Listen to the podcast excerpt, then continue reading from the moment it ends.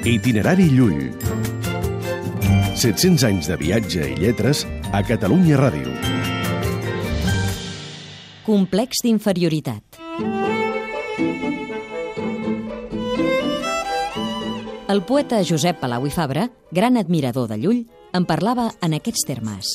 Em sembla que, amb Llull, els catalans tenim una mena de gran complex d'inferioritat. Que el nostre més gran escriptor sigui el primer escriptor conegut i del segle XIII. Que les històries de la literatura catalana hagin de començar, inevitablement, amb ell. Que el país hagi viscut, més tard, un esfondrament de més de dos segles. Diríeu com si, després de Llull, no haguéssim fet sinó de ballar, i que la nostra línia vital, literària, històrica, sigui descendent o decreixent. Moltes llengües i moltes cultures tenen el seu més gran exponent després d'uns quants segles de preparació. Shakespeare a Anglaterra, Goethe a Alemanya, Cervantes a Castella, etc.